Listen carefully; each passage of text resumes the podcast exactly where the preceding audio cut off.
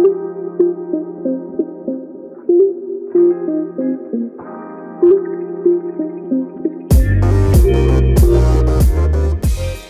dag, kæri hlustendur og verið hjartanlega velkomin í Fjallakasti.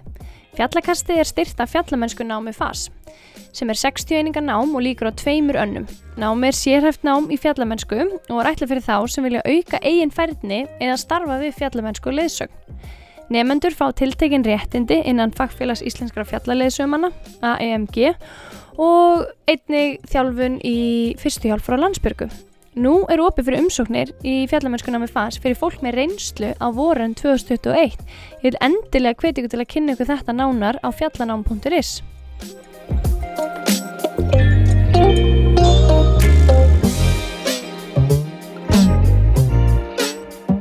Hjá mér í fjallakastin í dag er hann Friðjón Þorleifsson. Friðjón er fættur og uppalinn á Íslandi en hefur búið í Kanada síðan 2002. Friðjón byrjaði í Björgunarsveit og fór þess að hefbundi leið sem við mörg hver þekkjum inn í leiðsögn en áttaði sér fljótlega á því að hann vildi frekar í reynslu í fjallamennsku og sá að leiðin gæti verið í gegnum fjallaleiðsögn og því fór hann til Kanada þar sem að hann ákvaða að menta sig frekar í þessum fræðum. Hann segir okkur frá sinni sögu og áföllum sem hann hefur gengið í gegnum tengt fjallamennsku og leiðsögn. Það er magna að heyra sögun hans Friðjóns og maður gæti jafnvel haldið að Friðjón sé með nýju líf eins og köttur þegar maður heyri söguna. En hann hefur gengið í gegnum ímis áföll í fjallamennsku og leiðsögn sem dæmi snjóflóð á Tröllaska árið 2013 og það er gaman að heyra hvernig hann hefur tekist á við þessi áföll af miklu æðruleysi og jákvæðinni.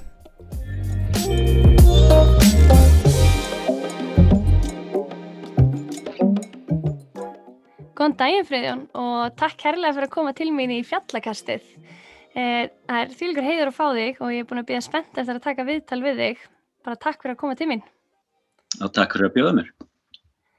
Um, ef við byrjum bara svona aðeins, hver er Friðjón? Hvaðan kemur þú og hvar ólst þú upp? Uh, hver er Friðjón? Ég fættist og ólst upp á Neskustæða, semst í Östfjörðunum og byrjaði útistina mína þar með, með mamma og pappa. Þau byrjaði að draga mig og sýstu mína á fjöll mjög ung og, og við vorum bara á Neskustæða þanga til, held ég að verið 13 ára gammal og að byrjaði að renna mér á skýðum örgulega fjögur ára eitthvað svo leiðis og pappi var mikið í fjallamennsku þannig að ég hef mjög mikil áhuga því. Og svo fluttum við til Keflavíkur og þá dætti svolítið út úr fjallamennskunni í nokkur ár. En þegar ég byrjaði í mentaskóla þá byrjaði ég í flugbyrgunsveitinni í Reykjavík og til að komast eftir í útistina og finna félagskap og, og var alveg á kafi því og byrjaði að klera mikið og skýða mikið meira og, og hérna setna árinu í flug, flugbyrgunsveitinni inn, inn uh, nýlega gangunni þá lendi ég í slesi og, og draf mér næst í hérna baksvæði bláfjalla og oh. já, já, með fullt að slisa sögum með að vera á því en hérna svona stígandinn að þessu slisi þá 20 ára gammal típiskur strákur sem að þú veist hefur litla hræðslu og, og er aðlega að hugsa um sjálfa sig en allavega þegar ég vakna á sjúkrafsinu eftir það slis þá svona átt að ég með á, á því að það væri nú fólki í kringum sem að sem að er sama af mig eins og fóröldrarni og hann að ég ákvaða annarkort myndi ég hætta að klefra á skíða eins og ég var og var að gera og hérna eða að gera það betur og eina ást, ástöfni fyrir þegar ég fór í gætun og að, að það væri líklegast eina besta leiðin til þess að vera örgari í fjallamennskunni þannig að eftir það slýst þá byrjaði ég að gæta mér og byrjaði með íslensku fjallalegusömmunum fór það hann inn í fjallabag og voru að vinna á Íslandi og Grænlandi svolítið mikið þá og svo fórum maður alltaf í Alpan að slata. Og eftir, eftir að vera búin að gera þetta í nokkur ár þá ákvæði ég komið til Kanada að sjá hvort ég var að gera þetta rétt fór hérna í TRU programmið í Kamloops tók það og, og fór síðan að byrja í brónum fyrir hérna UMG í gegnum ACMG og ég er ennþá hérna í Kanada. Já, þú ert ennþá í Kanada. Hvenar, hérna, þegar þú byrjaði í þessu, var, hafður ykkur fyrirmyndir eða þú veist, varstu bara að fara einn leið? Hvernig fannstu upplýsingar um þetta allt eins og að fara til Kanada?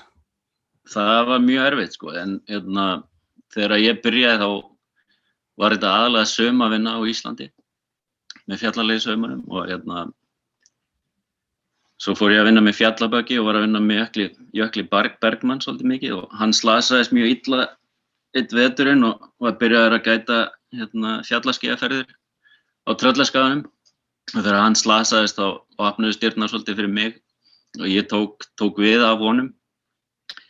Þannig að já, Jökull er def, definitely svona svolítið fyrirmynd fyrir mig en upp á alþjóðlegu réttindin að gera þá var það alveg mjög óséð hvernig, hvernig það myndi ganga þannig að ástæðan fyrir ég kom til Kanada var að ég fann þetta prógram eins og ég segi hérna í TRU og hugmyndi mín var að ég geti þá komið í tveggjara nám hérna og, og fengið smá einsýn hvernig þetta prógram virkaði hvort að ég geti náða að verða alþjóðlegu gæti eða ekki. Og, og þetta var maður var bara að fara, fara í blend það meika sens og hérna ég held að þeirra hvað sér ég? Var einhver annar sem var búin að fara þessa leið á undan þér eða? Nei, ég var fyrstu til að fara hanga okay. og Jökull var náttúrulega búin að vera að spá í þessum svolítið mikið og, en ég ákvað bara að fara og taka sénsinn og ef, veist, ef ekkert kemur úti þá var þetta allavega skemmtilegt tvö ár í Kanada og svo kemur við bara heim og fær í sama fasi Já. Ég held að Leifurörn og ég vorum kannski einar á, í örafum, vorum svona þeir sem voru að vinna mest við fjallamennsku, að, gæta fjallamennsku á þeim tíma þannig að það var, það var, það voru óskuplýslegar upplýsingar. Á hvað árum er þetta bara svona þannig að fólk átti sig á því? Þegar ég byrja að vinna alltaf árið heima og Grænlandi það er 99 eða 2000 eitthvað sluðis og ég fór í skólan 2002 Einmitt. Og þú ert þarna í Kanada í tvö ár þá eða? Já, það var hérna í skólanum semst á, á veturnar en, en var að koma heim sumari á milli til, a, til að leiði segja Já, og hvað tók svo við framhaldin af því? Það var náttúrulega að taka taka prófin og prófin er hérna út í Kanada náttúrulega en, en þannig að besta leiðin til að ná prófunum er að, er að þjálfa sig hérna í því landsvæði sem maður er að fara að taka prófin og fyrsta prófin sem ég var að taka var aðstofar skíðarleysauðmennskan og þannig að ég tók námskeið sem það er kallað tailgate námskeið mm -hmm. fekk vinnu sinn tailgate í, í cat skiing og Þannig að það var, heimurinn var bara að skýða og skýða eins mikið og hægt var. Fyrstu, fyrsta veturinn eftir námskeiði og ég tók prófið strax og, og náði því og var semst komið með fasta vinnu sem aðal leiðsögumar strax og eftir það þó, þá byrjaði klættaprógramið og svo, já, svo bara heldur maður áfram í skýða og alpaprógraminu þetta. Og varstu þá bara fluttu til Kanada þarna í kjölfarið eiginlega? Já, ég var meira hérna heldur en á Íslandi en ég hef yfirleitt verið allavega þrjá mánu á Íslandi helst á, á vorin og höstin en fyrstu árin þá var ég sagt, yfirleitt all, alveg frá apríl og enn í júni, júli á Íslandi og svo var ég að vinna í Öllbónum svolítið nokkra vekur, nokkur sumur og svo er restinn hérna í Kanada. Já, þannig að þú ert þannig að byrjaðir í, í rauninni þessu alþjóðlega leiðsöguprógrami í 5G á þessum tímapunkti e, og varstu bara svona, varstu bara alveg með skýr markmi að þú ætlaði bara að verða alþjóðlega leiðsögumæður þannig að varstu bara að feta í gegnum hver, kerfið eða? Já, þannig að maður er komið með plani í, í huganum, þannig að plani hjá mér var að taka aðstöðarskíða prófið, svo aðstofar kletta, klára skíðaprógrami og fara síðan inn í alpaprógrami og klára það. Já. Þannig að það voru alveg skýrmarkmið. Og hversu, veist, hversu mikið þurftur að vera að gera til að ná þessu markmiðum? Þú þarfst væntalega að halda þér í góðu formi og vera út að klifra og vera út að skýða. Veist, hversu mikil vinna er þetta?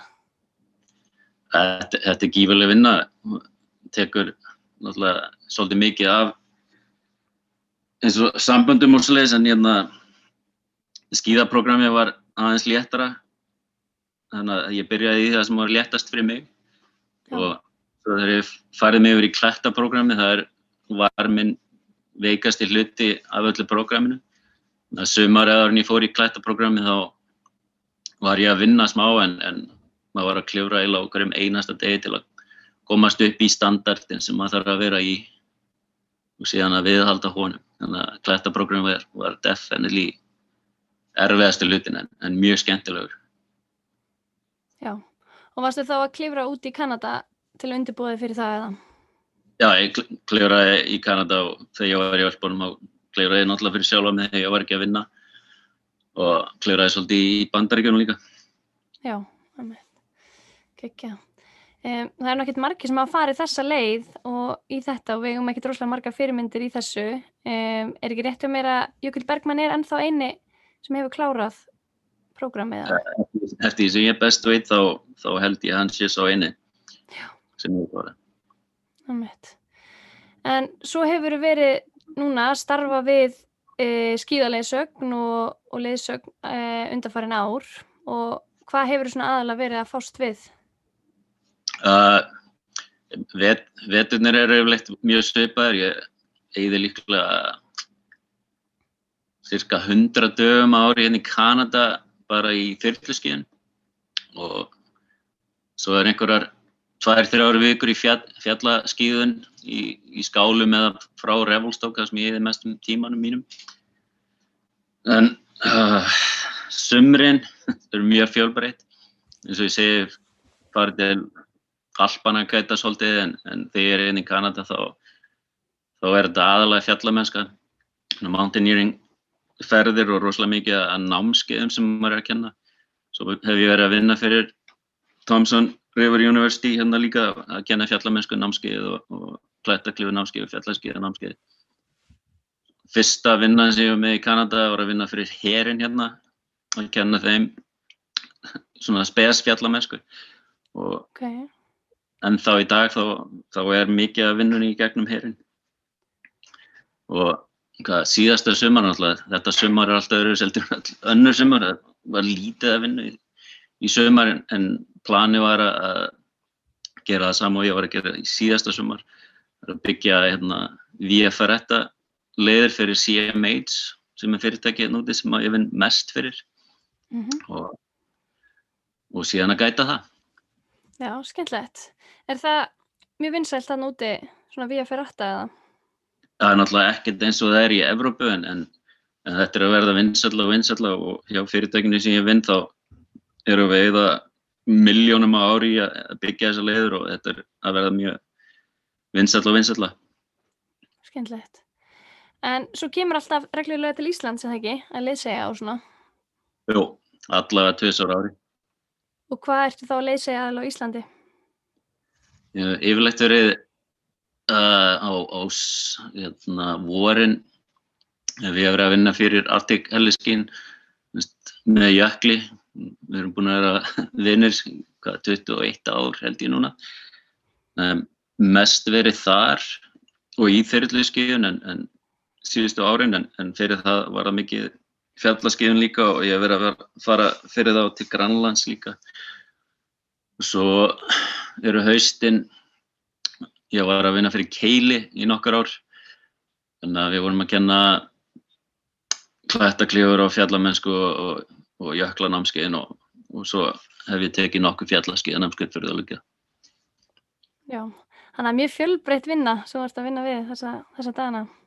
Já, það er, allavega, það er mjög mikilvægt fyrir mig að vera með fjölbreytni sem að hljóma förðulega en, en maður fæði leið á meira þess að þyrlskið. Já, það er ekki margir sem getur ímyndað sér það og örgulega margir sem öfundaði að vera þyrliski í allan dag, en maður getur skilja rútínan getur verið erfið og vera alltaf að gera sömu hlutina, kannski kemst upp í vana. Akkurat. En þú lendir síðan í Slisi árið 2013 Já. Þetta ekki, reytið mér? Snjóflóði á tröllaskanum Það segja okkur eins frá því? Uh, gæti verið stuttsaga eða löngsaga en, en alltaf ég kannski tek smá forsöga því en ég var búinn að vera að vinna í tvær vikur ára það gerist á Tröllaska og hérna hinnum meginn við fjörðin alveg stóli úr mig hvað hérna á Látrastöndinni mm -hmm. og það var búið að vera mjög leiðilegt veður og, og við vorum að finna frekar leiðileg lög í snjó í snjónum eins og kalla facets og meira að surface war sem eru mjög Ok. mjög hérna, óstabíli kristallar. Og við, þegar, þegar þetta gerist þennan dag þá var ég með prívatóp sem, sem að þýðir að það er bara ég og einn hópur með eina þyrlu. Yfirleitt er það þannig að það er kannski ég með einn hóp og svo einhver annar gæt með annan hóp og við erum þrýr hópar með eina þyrlu en þetta var prívat Jökull var líka með prívat hóp og út af aðstafanum þar voru frekar erfiðar þá ákveðum við að vera nála hverjum öðrum bara ef einhvað myndi koma upp á. Og vorum bara að skýja mjög melló brekkur og svo ákveðum við að fljúa heim. Og flýið heim var frekar langt, það er 25 mínútur eða eitthvað slið sem að er rosalega mikið í þyrlskíðan þannig að ég ákvaða að stoppa á leiðinni heim og, og skýða einhverja mjög stutt að létta brekku og lendi það sem að ég vissi að laugin var ekki. Og byrja að renna mig niður og hópurinn séu með þeir hafa ekki alltaf verið bestir að, að, að hlusta á það sem ég segja um að gera en ég gerði allavega allt rétt hennan daginn. Og ég var kannski komin í sjöttu, sjöundu beigju þegar ég heyri, heyrið á eskra fyrir aftan mig að það væri snjóflóð. Og ég lít, lít tilbaka og, og það er risa ský fyrir aftan mig sem að maður myndi ekki búast á Íslandi í, í snjópakkinu eins og er þar.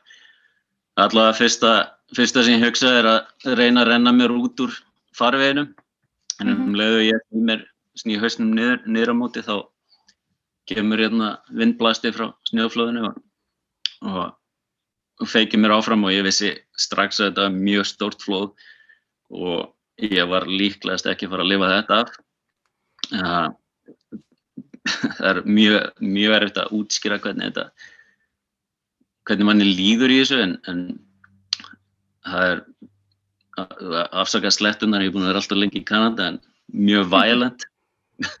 Og, og strax þá, þá hugsa ég ok, ég, ég er að fara að drepast í þessu snjóflóði. Þannig að það er bara plan A er að það ger ekki neitt og vonandi er þetta bara búið eftir nokkra sekundur eða plan B uh, er að berjast með öllum krafti og vona ég lifið þetta af en mjög liklega líkur á því. En allavega eftir þetta slið sem ég myndist á 95 þá uh, eins og ég segja þá veit ég að það er fólk í kringum minn sem er saman með mig. Þannig að ég ákvaði að taka plan B og ég vissi strax að lappinnar á mér voru í í klessu. Og ef ég myndi lifið þetta af þá myndi ég öruglega eða allavega mjög líklega ekki lappa aftur. En tók plan B og uh, ég verður öruglega að sé myndina Matrix þegar hægist á öllu og, og þú sér allt mjög skýrt en ég hef tvið svo lendi í því að það hægist á öllu maður hefur svona smá tíma til að hugsa hvað maður er að fara að gera þannig að hugsun mín var ok. Ég þarf að passa öndunum veginn minn passa hausin á mér lappinnar eru búnar. Uh, þegar að hægist á snjóflónu þá þarf ég að komast upp á yfirborði þegar ég treysti kúnunum ekkert alveg 100% upp á að ná mér út á tíma. Mm. og út af löpunum á mér þá var planið líka að komast allur upp og koma mig fyrir það eiginlega þá til og með mjög, mjög bjargað. Og meðan adrenalínu er mjög hátt og þannig að sálsökin myndi Já. setjast inn. Að, og svo byrjar allt að fara á fulla aftur þannig að Matrix momenti er bara búið. Og þá þess að ég hef alltaf kent kunnunum mínum er að ok, ef ég lendi í snóru snjóflóði þá er þetta eins og að vera í ringnum með Mike Tyson. Og ef þið endist í 20 sekundur þá fáið 10 miljón dólar þið þurfum bara að barjast með öllu sem þið hafið. Það voru einhver 10 miljónir dólar fyrir mig en lífið er meira verði í mínum, mínum huga. Þannig að ég barðist eins og eins og ég gæt með að halda höndunum fyrir andlitinu og, og ná snjó snjó hérna úr, úr munnunum á mér. Og, og bara vitandi það að þetta gæti ekki ennst að eilíðu en manni líður eins og þetta takir endalösan tíma á meðan maður er á leðinni niður. Þannig að alltaf ég finn þegar að byrja að hægja á snjónum og ég var undir yfirborðinu í allavega 600 metra. Og þegar ég fann hérna fann að hæðast, hæðist á öllu þá byrja ég að bara að synda eins og hundur. Ég hundasundi og, í vonum að ég var að fara í rétt átt og ég endaði að ég, ég var, var að fara í rétt átt. og endaði með hausinn og rétt fyrir ofan yfirborðið. Hand, höndina á hægri hendinu og svo allan armin á, á vinstri. Þannig að ég var allavega það sem að súrefni var þegar allt stoppaði. Svo fór restinn yfir veg þetta var á milli Dalvíkur og Ólasverðar og einhver slatti fór bara beint í sjóin þannig að það er mjög heppin að að fara ekki í sjóin þannig misti aldrei með auðvitað en eina sem ég man ekki almenlega er, er hérna, hvernig ég kom mér út úr snjónum en ég gróð mér út. Kom mér fyrir það eiginlega og þannig að ég var á lífið það var fínt og, en það var rosalega mikið blóð sem að var að koma upp úr munnunum á mér. Mm. þannig að ég var ekki við skort að það var einhvað að innvortis. Þannig að ég vildi komast í burti strax en leita upp brekkuna til að sjá hvort það var ekki lægi með kúnana mína og sem betur fyrir þá sá ég þá strax þeir voru ennþá það sem við lendum og það er, er þetta útskýra þá tilfinningu líka en það er mjög mikið léttir. En svo tilfinning fór út í buskan þegar ég leita aðeins hærra upp og sá að flóð nr. 2 var að leiðinni beint á mig. Aðeins minna flóð. Ég, Já, viðstofan kallaði fyrsta flóði stærra gráði fjórir sem að fólk lifir yfirleitt ekki af. Ég þekki þrjá sem hafa lifað það af og, og ég er einn af þeim. Og svo setna flóði er, er stærð tveir sem að hérna, stærð tveir er nógu nóg stórt til þess að drepa þig eða allavega slasa þig mjög til að hennar. Ég var ekki mjög vangóður og Nei ég er ekki trúar maður en, en þetta er eina skipt sem ég reyndi að tala við Guðið og ég horfði til heimna og öskraði eins og ég gæti ert ekki að fokkin grínast í mér?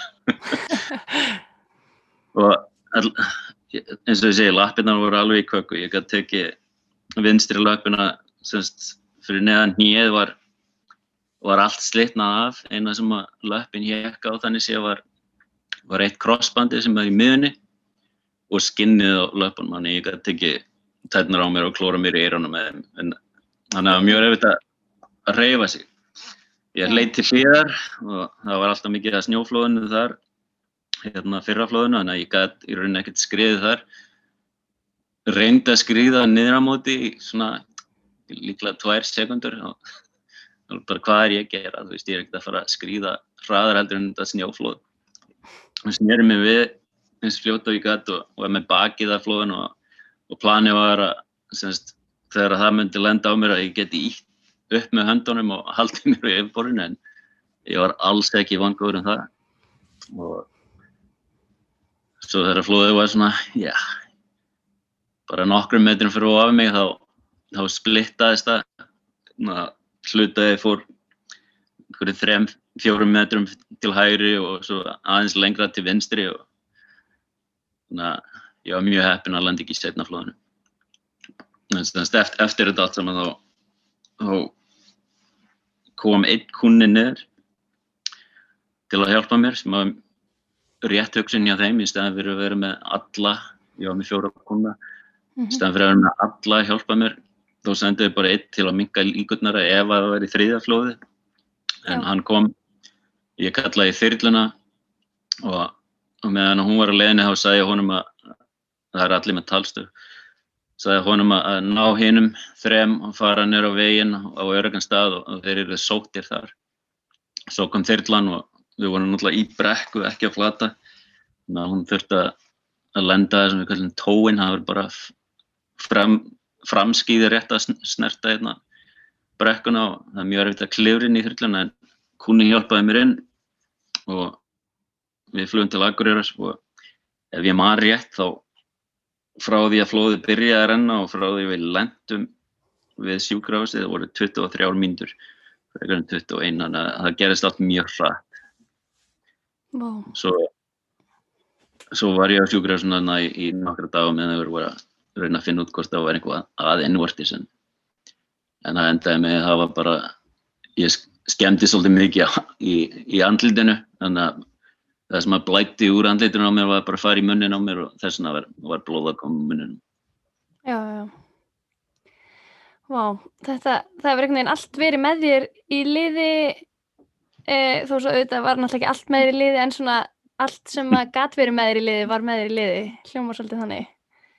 Já, ég, ég trúi því alveg staðfast að hérna, ef ég hef farið með plan B þá hefði ég dáið þannig þennan dag í þessu snjóflóði en þannig að þú veist þetta er auðvitað mjög mikil hefni líka að lifa af en, en, en líka það að vera andlega eða svona mentali undirbúin að vera búin að kenna fólki aftur og aftur og aftur hvernig það var að haga sér í snjóflóði hefur örgulega gert mikið. En svo það er miklu meira bak við þess að sögu. Þetta var mjög erfiður vetur hjá mér. Ég lendi næst í snjóflóði og í Ísklýri hérna í Karanda í stórri 700 metra ísklifuleið hérna og var mjög heppinn þar og ég lendi í bílsliðs í desember fyrir það og skil ekki enþá hvernig ég lifði það eh, þannig að það var rosalega mikið að gerast en allavega það var, var hugurinn á réttu stað að, að vilja að lifa. Að, á, það var mjög mikið á móti mér en það var mjög mikið með mér líka.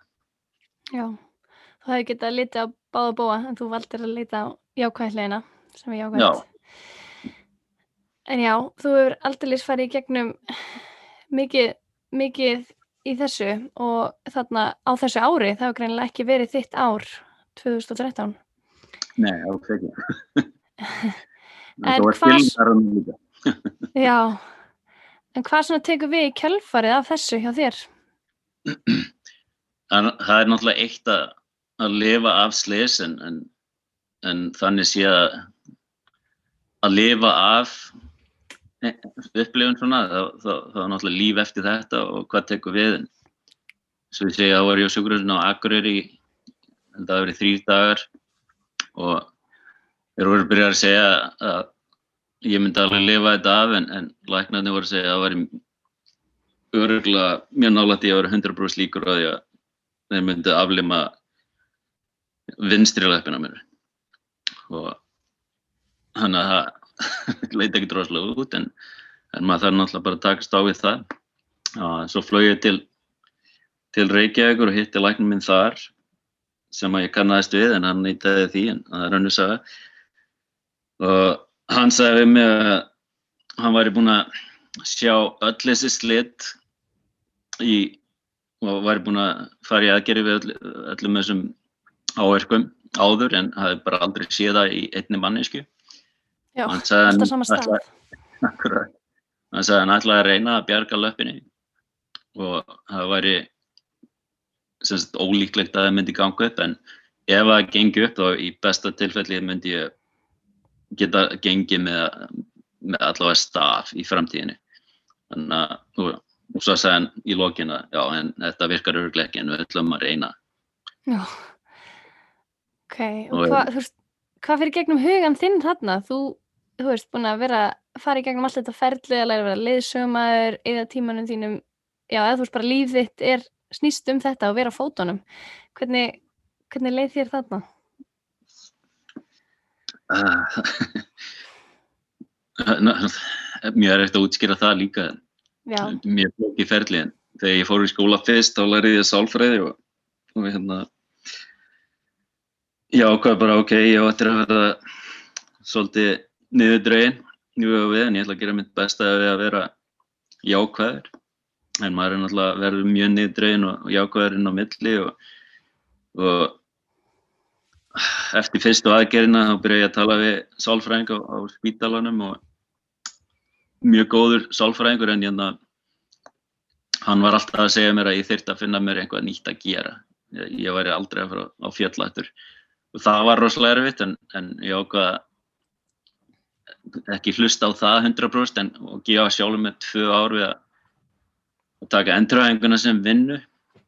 En, og sem sagt bara fara í endurhæfingu á hverjum degi mándag til fyrstags og, og gefa þessu tvö ára en að sama tíma er ég náttúrulega farin að hugsa um ok, hvað get ég gert í framtíðinu en eina ástæðan fyrir ég kom til Kanada til að taka þessi tvö ár var hérna, ef einhver myndi koma fyrir mig þá var ég allavega með þessa diplómi og ég geti haldið áfram að vinna í innanum þannig að maður er allavega með það í bakkvöndinni svo er þetta aðgerð eftir aðgerð þannig að maður hjóla stólgöngu grind og aðeins byrjar að lappa með göngu grind og hérna hækjum. Svo fer maður í aðra aðgerð aftur í hjólastólinn, göngu grind hækjur. Aftur í aðgerð hjólastund bara ferlið er, er andlega mjög erfitt en, en maður þarf náttúrulega bara að sjá gullrútina. Og eina gullrútunum var, var að klára hérna prófin fyrir alþjóðum alþjóðluður réttindin. Ég átti bara eitt próf eftir á þeim tíma sem er hérna kallað full alpine próf.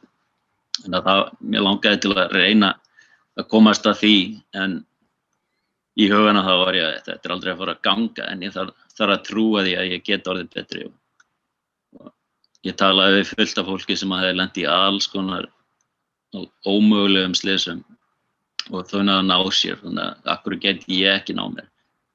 Ég hef aldrei séð sjálf mig sem mjög sterka persónu en, en, en ákvaða að reyna allavega og það skiljaði sér heldur betur vel Já, það hljómar allavega bara eins og viljastyrkurinn og, og hugurinn hafi verið gífilega sterkur þarna. Það eru margir sem hefði ekki einmitt endilega verið svona jákvæðir samt í gegnum þetta allt. Um, Magna að heyra. En þú ert þarna búin að gefa þér tvö ár til að, til að fara í gegnum þetta ferli og að tveimur árum loknum ert þú bara gangandi eða hvað? Já, ég hleyp og skýð og klifur og, og stekk og trampolóin og veiða við henn. Þetta að veri innan við ár þá stóð ég að skýðum aftur í fyrst skipti en það var nú bara í bakgarðinum hjá Jökli og á Flatlandi en það var byrjun. Það var hann var mjög döglega við að fá mig til að koma aftur og aftur upp til Arctic Helleskíin þegar þeir voru að vinna og ég gerði það sem ég gæt var vinna við talstöðuna bara til þess að sjá hvað allir eru og svo leiðis og svo einn daginn þegar ég er allt í lægi, en alltaf mjög haldrætti þá satt ég í þyrlu með, með jökli og, og hóp allan daginn og var með skýði með mér og svo fóru þeir einhvað og ég ákvaði að reyna að renna mér og skýða kannski 200 metra rann hérna einhvers þar og, og það var líklega ári eftir slísi mjög höfðin en hérna ég var ennþá, þú veist ég er ekkert að fara að vinna við þetta eftir ég get valla, valla reynd mér niður brekku um, einu og hálf ára eftir þá var ég komin aftur til Kanada og, og einn félagi minn sem er fjallarlega sem maður líka sem var að vinna hjá TRU, hann spurði mig hvort ég vildi kenna fjallamennsku eittur og ég spurði hann hvort hann væri búinn að tapa sér. Hann sagði bara, ef, veist, ef það er ríkt í löppinni eitthvað þá stoppar það bara, það er alltaf einhvað að tala um. Ég ákvaði að segja já. Það er eitt af því sem ég lærði gegnum allt ferðlið með sli, slisin og, og snjóflóðið í ísklýruna er að þegar maður er í, þegar maður er þar þá þarf maður að geta sagt já þegar fólk býður hjálpina sína. Þannig að ég sagði bara já, ok, þeir eru tilbúinir að hjálpa mig og það gekk mjög fínt. Svo rétt eftir þá byrjaði skíðatímabilið og CMH sem að ég vinn ennþá hjá buðið mér nokkra vikur í gætun og það er það sama, ég spurði hvort það var ekki alltaf leiði með þá í hausnum en, en það sem að þeir sögðu er bara þú bara gætar eins og getur og þegar þegar þeir eru ílt þá sendu þau heim og láta einhvern annan gæt fá hópiðin. Þannig að mjög, ég var mjög heppin að vera umkringdur góðum vinnum og, og, og vera að vinna fyrir fyrirtæki sem að voru til í að hjálpa mér eins mikið og, og mögulegt er. Það, er það er bara ekkit allstæðar það sem maður vinnur, það sem maður hefur, hefur þessa valkosti. Nei, það er náttúrulega bara ómetanlegt að fá náttúrulega stuðning. Já. En þú veist, kom aldrei upp neina einhver hræðsla eins og að fara aftur út í feltið, eh, bara eins og að kenna fjallamennsku, fara á skíðin aftur, eh, varst aldrei bara hrættur um að þú veist, lendir sem aðstæðum aftur eða hvern, veist, hvernig var svo upplifin að fara aftur út í snjó aðstæðum? Í, í rauninni var, þetta hugsa ég um þetta næst í daglega þegar ég er að vinna í snjónum aðalega en, en ég held að fyrst, fyrsta skýrst sem ég flög frá Reykjavík upp á Tröllaska og var í þyrlu þannig að við vorum að fara í gegnum mikið af skíðarlegina sem við, við skíðum og fyrst þegar ég sá það þá, þá var ég mjög stressað reyna, ég sá engar skíðarlegir ég sá bara snjóflóða farfi en það tók nú ekki langa tíma. Kannski tíu myndur að fljúa þetta í gegna sem að ok, ég þarf að hætta að hugsa svona hugsa rökriðt en, en hérna eins og ég segi, ég, ég, ég sé þetta ennþá, ég gleymi þessu náttúrulega aldrei en, en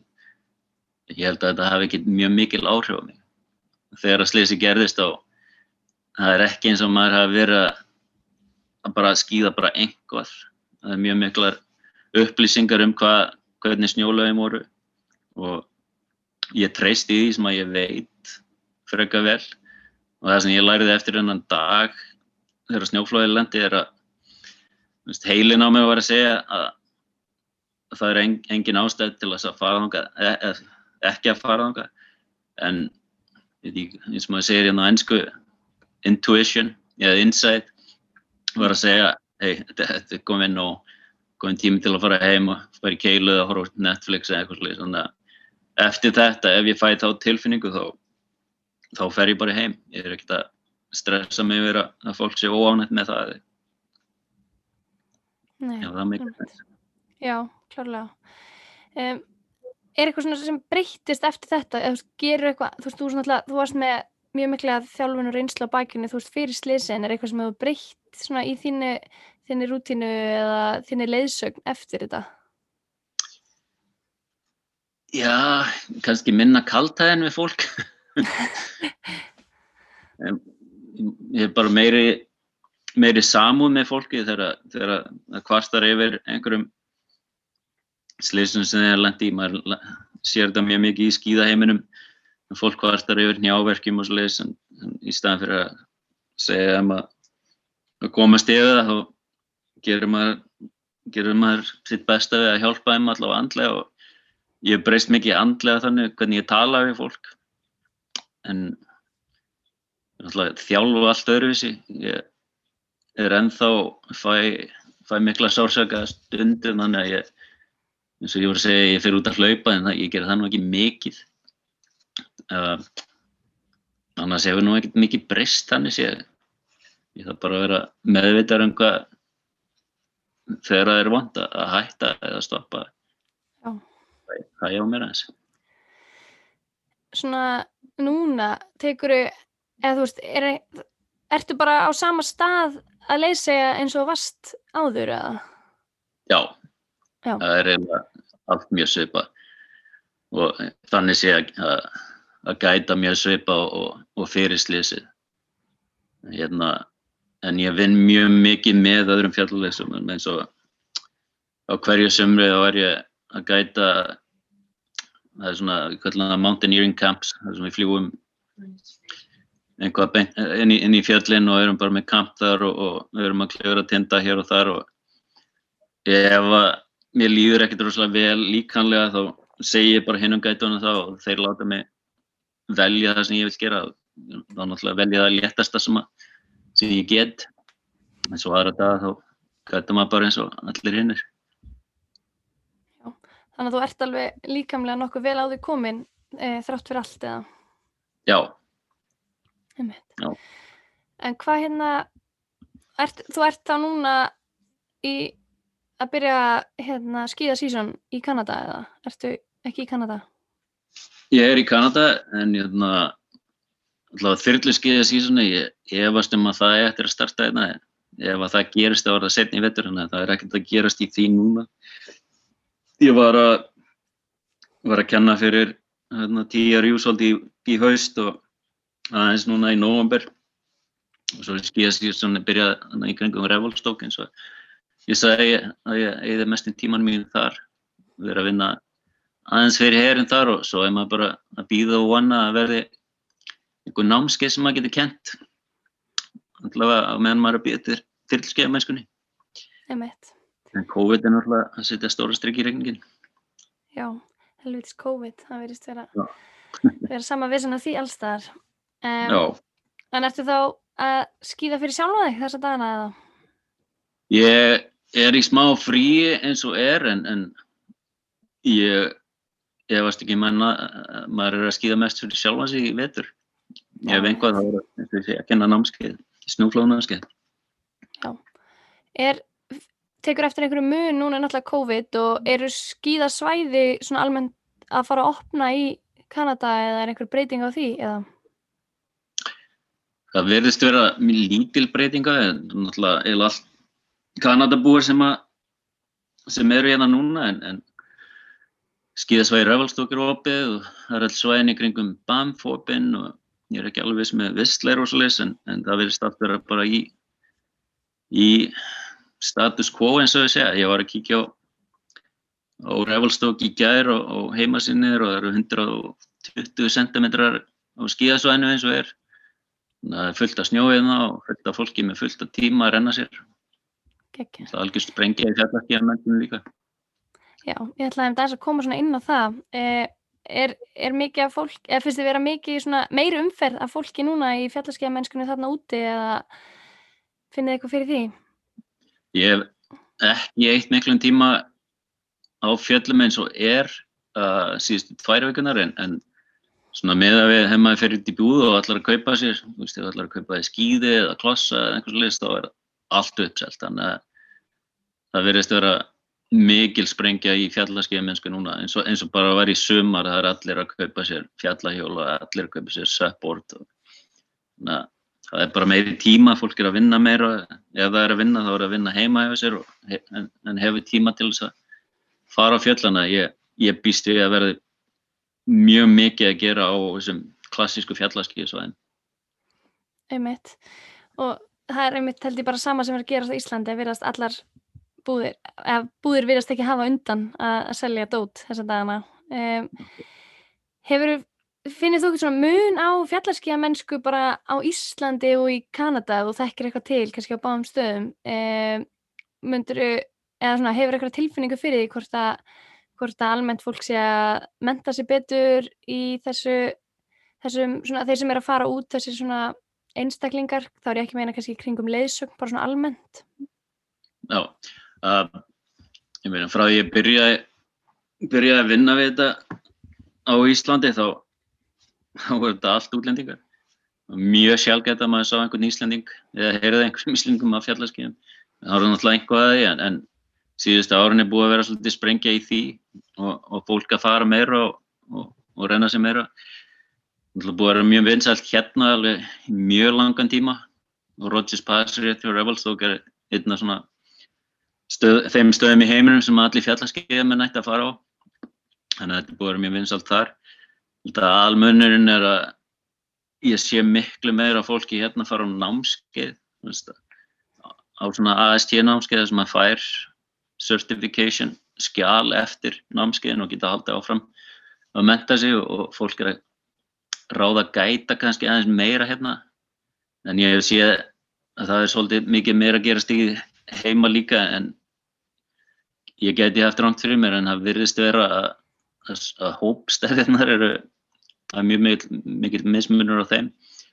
Þess að ef ég færi til Rodgers Pass núna á morgun þá myndi ég taka kannski max fjóra ef ég væri að fara að skýða einhvað að ráði kannski aðeins meira ef ég væri að kynna námskeið.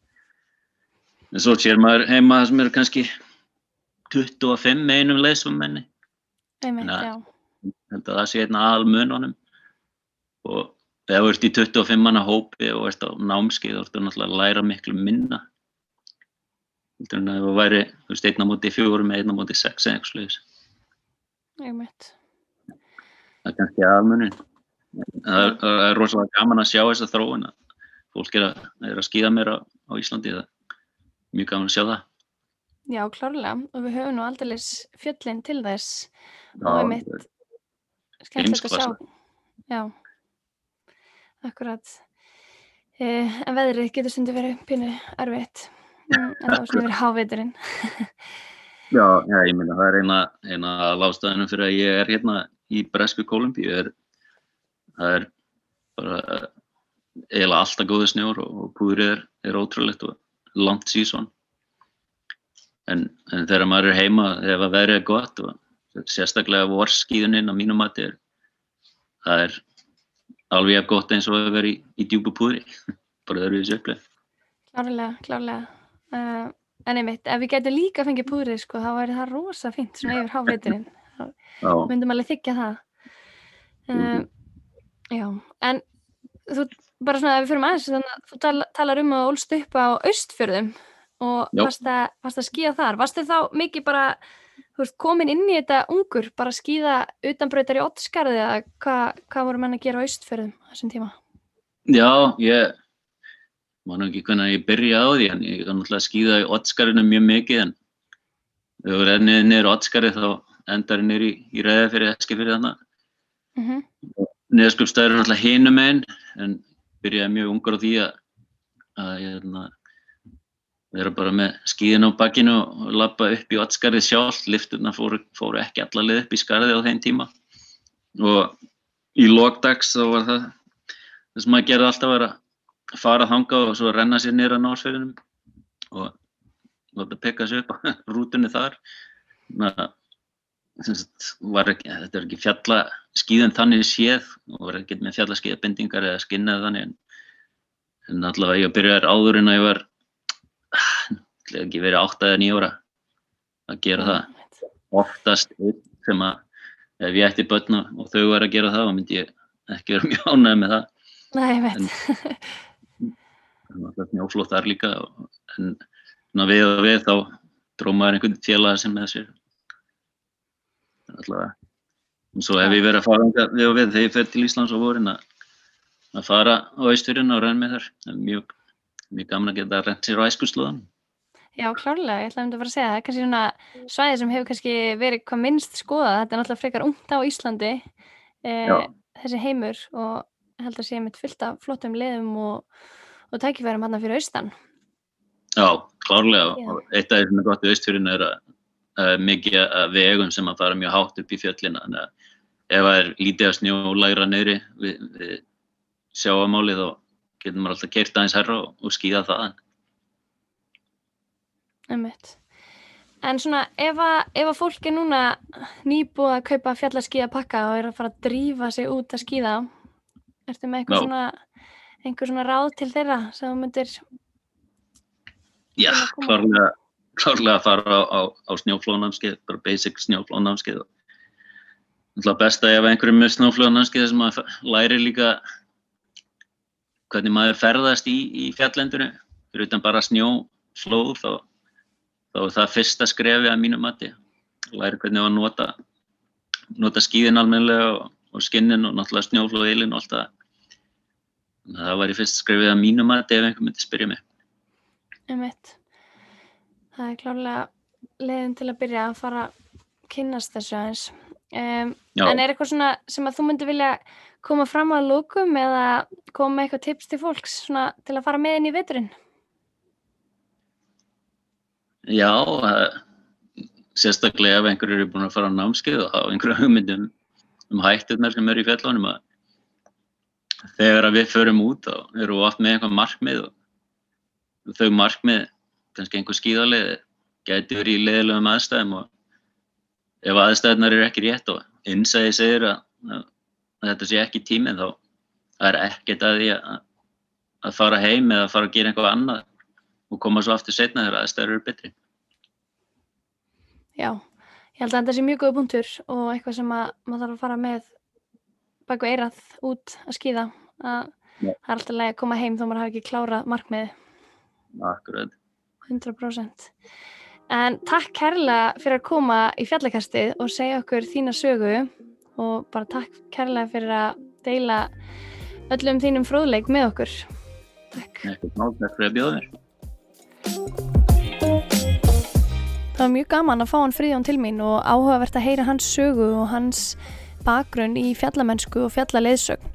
En ég vona að þátturinn verði kvartning fyrir ykkur til að fara út og e, leika ykkur í vetur en jáfnframt fara varlega og sækja ykkur námskeið ef þið hafið ekki gert það nú þegar. Við vil minna ykkur á að lókum að þið getið fyllt okkur á samfélagsmiðlum. Þið finnið okkur á Facebook at fjallakastið en einnig á Instagram at localislander. Þar getið þið fylgst með ævintýrum sem ég er í hverju sinni og þar upplýsi ég um nýja þætti og það sem er framöndan. Ég, einnig getið sendt mér post eða skilaboð á samfélagsmiðlum og komið með beðinu um hvað þið viljið heyra í þættinum. Takk fyrir!